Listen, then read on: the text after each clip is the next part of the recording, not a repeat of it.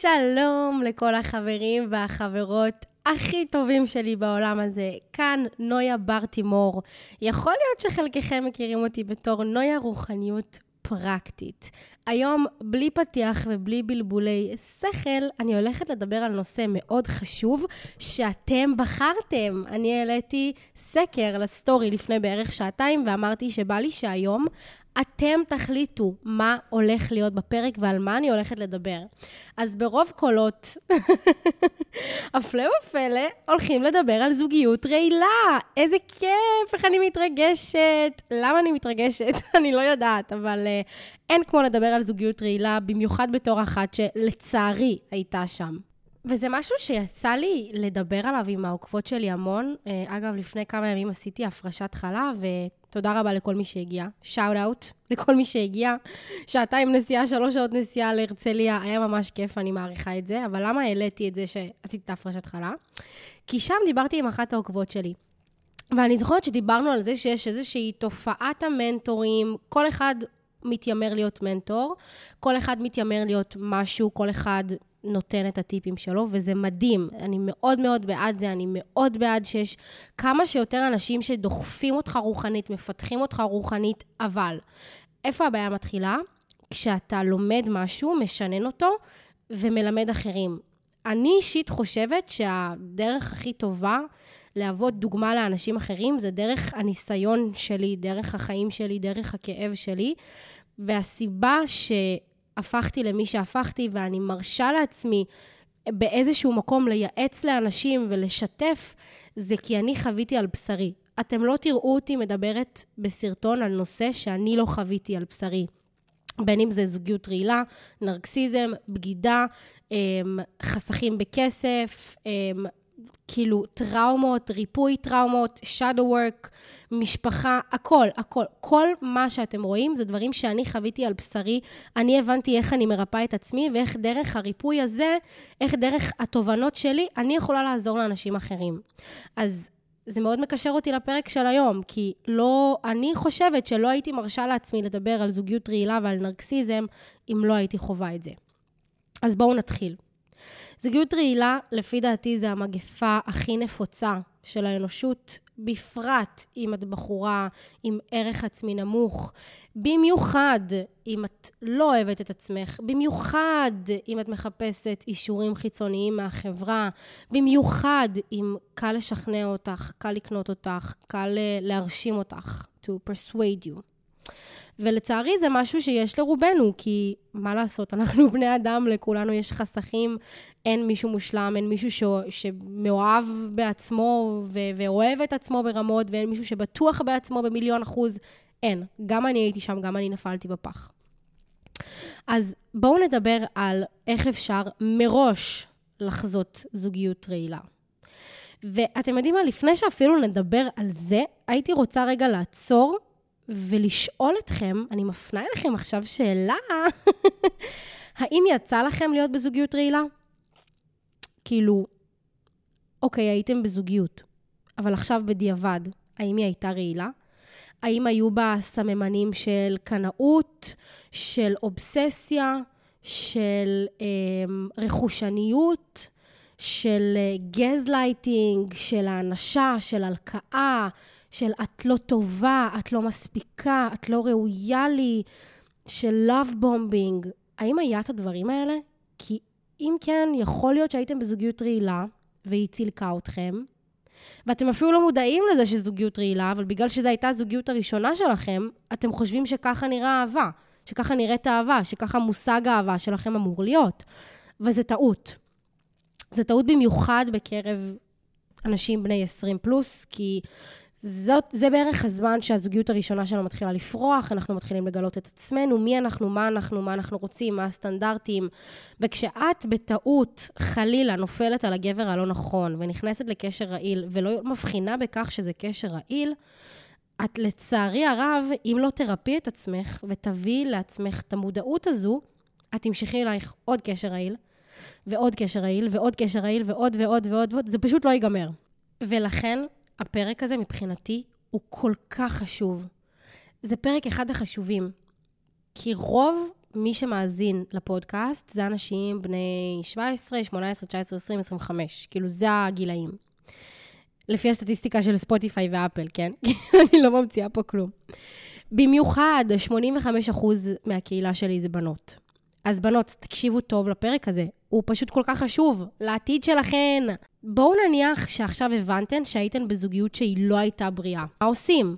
חוזרים אחורה לילדות ומפצחים את מושג האהבה שלכן. מה בתפיסה שלכן זה אהבה? איך אהבה אמורה להיראות? האם אהבה זה דרמה? האם אהבה שווה הכאבה? האם אהבה זה צעקות, זה אובססיה, זה קנאות? עכשיו, השאלות האלה זה מסוג השאלות שלוקח טיפה יותר מדקה כדי לענות עליהן, בגלל שהתשובות שמגיעות אליכן לפעמים קודם כל יבואו מהמודע. אבל אם רגע תחפרו טיפה עמוק יותר, אז גם מהתת-מודע יתחילו לצוף כל מיני אמונות של כאילו, כן, אם uh, הוא לא קנאי לי, אז הוא לא אוהב אותי. זה לא נכון. זה אמונה מאוד רעילה, שבעצם מזמנת לך גברים קנאים ואובססיביים ורעילים. אז הנה לך, תוך שנייה, שנייה כאילו יכולת למצוא בעצם את הפתרון ל, לכל הסאגה הזאת, לכל הזוגיות הרעילה שהיית בה לאורך כל השנים. באמת תחקרו כאילו רגע את האמונות שלכם, תבינו, כאילו, גם אפילו תחקרו את ההתנהגות שלכם בזוגיות קודמות, כאילו, האם, האם הרגשתי בנוח שהגבר שלי היה קנאי לי? האם זה עשה לי את זה שמישהו אמר לי, תכסי את המחשוף שלך, או שאת לא יוצאת למסיבות? כי אם כן, תביני שזה לא בריא. תביני, תחקרי רגע את, את העבר שלך. אמ, גם, גם הזוגיות של ההורים. איך הזוגיות של ההורים הייתה? האם היו הרבה ריבים, צעקות, קללות, אולי אפילו אלימות מסוימת, ופשוט ראית את זה ואת מחקה את זה עכשיו בזוגיות העכשווית שלך, או הזוגיות הקודמת שהייתה לך, זה גם משהו שהוא מאוד חשוב. יכול להיות שאפילו כשהיית בת איזה שבע, ראית איזה סרט על זוגיות רעילה, ומשם התקודד לך מושג אהבה ספציפי. אוקיי? אז זה מאוד מאוד חשוב לשים לב לניואנסים הקטנים ולעשות איזשהו דיסטינגוויש כזה בעצם, מה זה מושג אהבה? כי זה המפתח שיפתח לך את הדלת לעולם האהבה שלך. ככה את תוכלי לפצח את כל האמונות שלך, את כל החששות, את כל הפחדים, את כל הרעילות. אז תעשי את העבודה הזו. ואחרי שחקרנו והבנו מהו מושג אהבה, מה מבחינתי אני חושבת שזה בריא ולא בריא, האם הייתי בזוגיות רעילה, למה נמשכתי אליה, אני אתן לכם עכשיו כמה דגלים אדומים שיעזרו לכם להיזהר ולהימנע מגברים רעילים. נתחיל במספר ראשון. Love bombing. כי את באמת מרגישה כל כך שונה ומיוחדת כשהגבר שיצאת איתו זה עתה לדייט ראשון אומר לך, וואו, את הולכת להיות האימא של הילדים שלי. איתך אני הולך להקים את הבית. את האישה הכי מיוחדת, הכי אקסטרה אורדינרית, הכי אקסטרווגנטית שפגשתי. את כל כך מדהימה. ואת, בגלל שיש לך חסך מטורף בערך העצמי, ואת מחפשת כל הזמן אישורים מהחברה, את בעצם מסונוורת מה love bombing המטורף שהוא עושה לך, ולא נותנת רגע למציאות, את יודעת, לדפוק בדלת, כי נוח לך. נוח לך עם זה שיש גבר שפשוט מפציץ אותך במחמאות, ו, ו, ווואו, איזה מושלמת את, כי גם ככה יש לך איזשהו חסך, נכון? אז את בסוג של זימנת את זה אלייך. זימנת את הכאב הזה אלייך, כי את לא ראית את עצמך, אז היית צריכה לזמן אלייך מישהו רעיל, שרואה רק את עצמו, בשביל שת, שתתחילי לראות את עצמך. אז זה הדבר הראשון, love bombing. הדבר השני שאת צריכה לשים לב אליו, הלקאה. המון פעמים, כבר בחודש הראשון שלכם ביחד, את תעשי דברים שהם אולי ייתפסו בעיניו כלא בסדר, כי מה לעשות, אופס, את בן אדם, אופס, את גם טועה, את לא רובוט, את לא מכונה, ויהיה הרבה פעמים שכאילו תטעי, כאילו, לא יודעת, פאשלות קטנות של היום-יום, שזה קורה, כאילו, יודעת, אומרים סליחה ומתקדמים, סורי, אני אלמד מזה לאבא. אבל לא, אם את בזוגיות רעילה, איך את מעיזה לא להיות מושלמת? איך את מעיזה בכלל לטעות? איך את מעיזה להכאיב לי? את כל כך רעה, את בן אדם רע. הוא ילקה אותך. הוא יעשה לך silent treatment, זה אגב הדבר השלישי, אז שתיים ושלוש מאוד מתחברים. silent treatment, אחרי כל דבר שאת עושה שלא תואם לו למשבצת שהוא רוצה להכניס אותך אליה, הוא פשוט ייעלם לך. בעצם מטפל בך ומעניש אותך דרך השקט. האנשים הרעילים, אני לא רוצה להגיד נרקסיסטים, כי זה נהיה איזושהי תווית זולה, אבל האנשים הרעילים יודעים שזה הדבר הכי מחרפן בעולם. שילוב של הלקאה עצמית ו silent treatment. אין דבר יותר מכאיב מזה, אין האנשה יותר זולה ומניפולטיבית מהדבר הזה. אז תשימי לב ואל תתרצי את ההתנהגות הרעילה שלו בפאקים שלך. כי יש גבול מסוים. הבן זוג שלך הוא לא המורה שלך, אה, הבן זוג שלך לא פתח אקדמיה לאיך לחנך אותך. עם כל הכבוד, אם הוא לא רוצה אותך כמו שאת, כמובן שיש מקום לעבודה ולשיפור ביחד, כי בסופו של דבר אנחנו, כאילו, החיים האלה הם ריקוד, וצריך ללמוד יום-יום איך לרקוד מחדש, גם בצורה זוגית, כאילו, באמת בכל המובנים. אבל אם זה כבר מגיע למצב שאת מרגישה שהוא מחנך אותך בצורה מאוד קיצונית ולא בריאה, אל תשתקי. פשוט תקומי ותלכי, ואני יודעת שזה קשה, כי אני בעצמי הייתי שם, ובערך כל העולם היה בזוגיות רעילה. נראה לי שזה שיעור שכל אישה עוברת, כאילו, בשלב כזה או אחר, לצערי. אז פשוט, אני יודעת שזה קשה, אבל אין, אין ברירה. אין ברירה, אין לך אפשרות אחרת. והדבר הבא, שהוא מבחינתי דגל מאוד אדום. אם זה זה, זה זה, ואם זה לא זה, את תנסי שזה יהיה זה. תנו למשפט הזה רגע לחלחל. אם זה זה, זה זה, ואם זה לא זה, את תנסי בכוח להפוך את זה, כדי שזה יהיה זה. וזה כל כך נכון. אהובות שלי, זה כל כך מדויק. תקשיבו, כמה פעמים בחיים שלכם אתם יצאתם עם גברים, וידעתם שזה לא זה, אבל פשוט בגלל שזה ישב לכם על איזושהי משבצת מסוימת, זה מילא לכם איזשהו חסך ספציפי, אז רציתם שזה יהיה זה. אבל האינטואיציה שלכם אמרה לכם, הלו, אחותי, זה לא זה, תתעוררי, תקומי, תלכי, זה כבר לא מדויק לך. אבל כאילו פשוט לא רציתם, כי היה לכם נוח והיה לכם טוב, אז זה, זה דגל אדום. זה וואחד דגל אדום. זה הבזבוז זמן הכי גדול שאת יכולה לעשות לעצמך. זה בזבוז זמן מוחלט. כי את יודעת שזה לא זה, אבל את תהפכי לפאקינג בובה בנאי, ותנסי לתקן את הזוגיות ולשפט את הזוגיות, כדי שהיא תראה לך טוב בעין, מבלי לשים לב שאת לא מקבלת את הזוגיות כמו שהיא. מה שהופך אותך גם לרעילה. כי מה זה אהבה? זה לקבל את האדם כמו שהוא. הרי מה נרקסיסט עושה? מה אדם רעיל עושה? הוא כל הזמן מחפש לשנות אותך. תורידי 10 קילו פה, תורידי את החשקונים שם, תעשי החלקה, תאריכי ציפורניים, תעשי סיליקון, תתלבשי קצת אחרת. הם תמיד יחפשו לשנות אותך. זה הרעילות. זה ההפך מאהבה, זה חוסר קבלה. אהבה זה לקבל את הפרטנר שלך כמו שהוא. להתאהב בו עד כלות הנשמה בידיעה שלא משנה איך הוא ייראה, זה לא רלוונטי, כי אתה אוהב את הנשמה שלו. כי החיבור הוא מעבר לעולם הפיזי, זה חיבור בעולם המטאפיזי. אז תשימי לב גם לדבר הזה. לא לנסות בכוח לשנות זוגיות כדי שתתאים לך לאיזשהו vision בראש. כי כשזה זה, את מרגישה. ואם את נמצאת בזוגיות שכרגע מרגישה לך שזה זה, יכול להיות שגם בהמשך זה ישתנה וזה כבר לא יתאים. כאילו, החיים מאוד מאוד דינמיים. אנשים נכנסים לנו לחיים כדי ללמד אותנו שיעורים. כשהשיעורים נגמרים, הם יוצאים פשוט מאוד. מה לא פשוט בדברים האלה? אנחנו, אנחנו מסבכים את זה. אנחנו הופכים הכל לכואב יותר. אז uh, no more. This is my point right now. No more. והדגל החמישי והאחרון, שהוא מבחינתי כאילו הכי בייסיק והכרחי בעולם הזה. תקשיבו לי טוב, כשמגיע הרגע שאת צריכה לתרץ את ההתנהגות שלו לסובבים שלך, סלש להסתיר את הדברים שהוא עושה לך מפני החברות שלך, כי את יודעת שהן יחשבו שהוא רעיל. אז הסיבה שאת לא רוצה לספר את זה לכל הסובבים שלך, זה כי את יודעת שהם יגידו לך את מה שאת מפחדת לשמוע. שהוא רעיל, שאת יוצאת עם גבר שהוא לא טוב לך.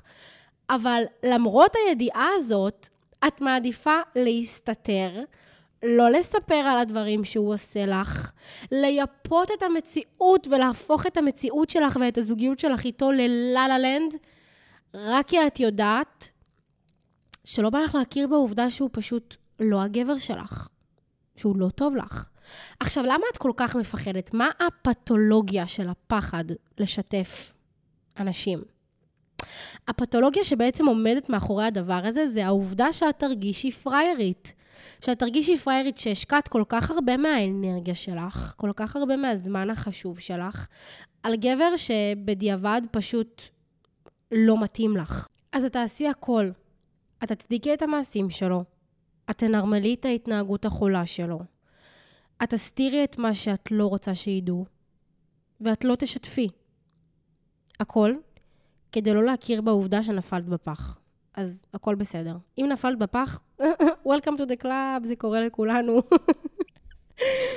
סתם, אני צוחקת, אבל באמת חשוב רגע הקטע של המודעות, כי זה משהו שאני תמיד תמיד אומרת בפודקאסט, בטיקטוק, באינסטגרם.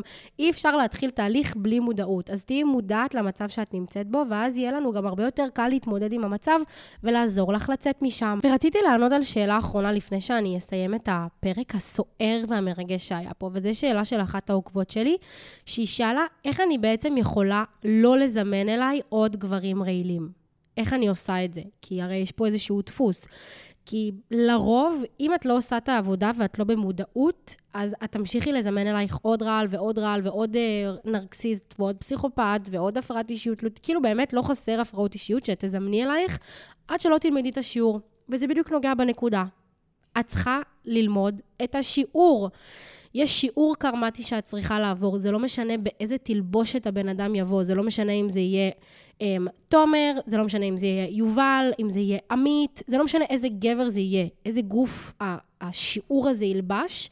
את תצטרכי לעבור את השיעור הזה ולרפא את החלק הרעיל הזה בתוכך, כי תחשבי על זה שבסופו של דבר, אם את היית בן אדם um, בריא בשלמותו, ולא בן אדם רעיל, ולא בן אדם עם איזה שהם חסכים מסוימים, אז את לא היית מזמנת אלייך גבר רעיל, כי זה לא היה קיים בך.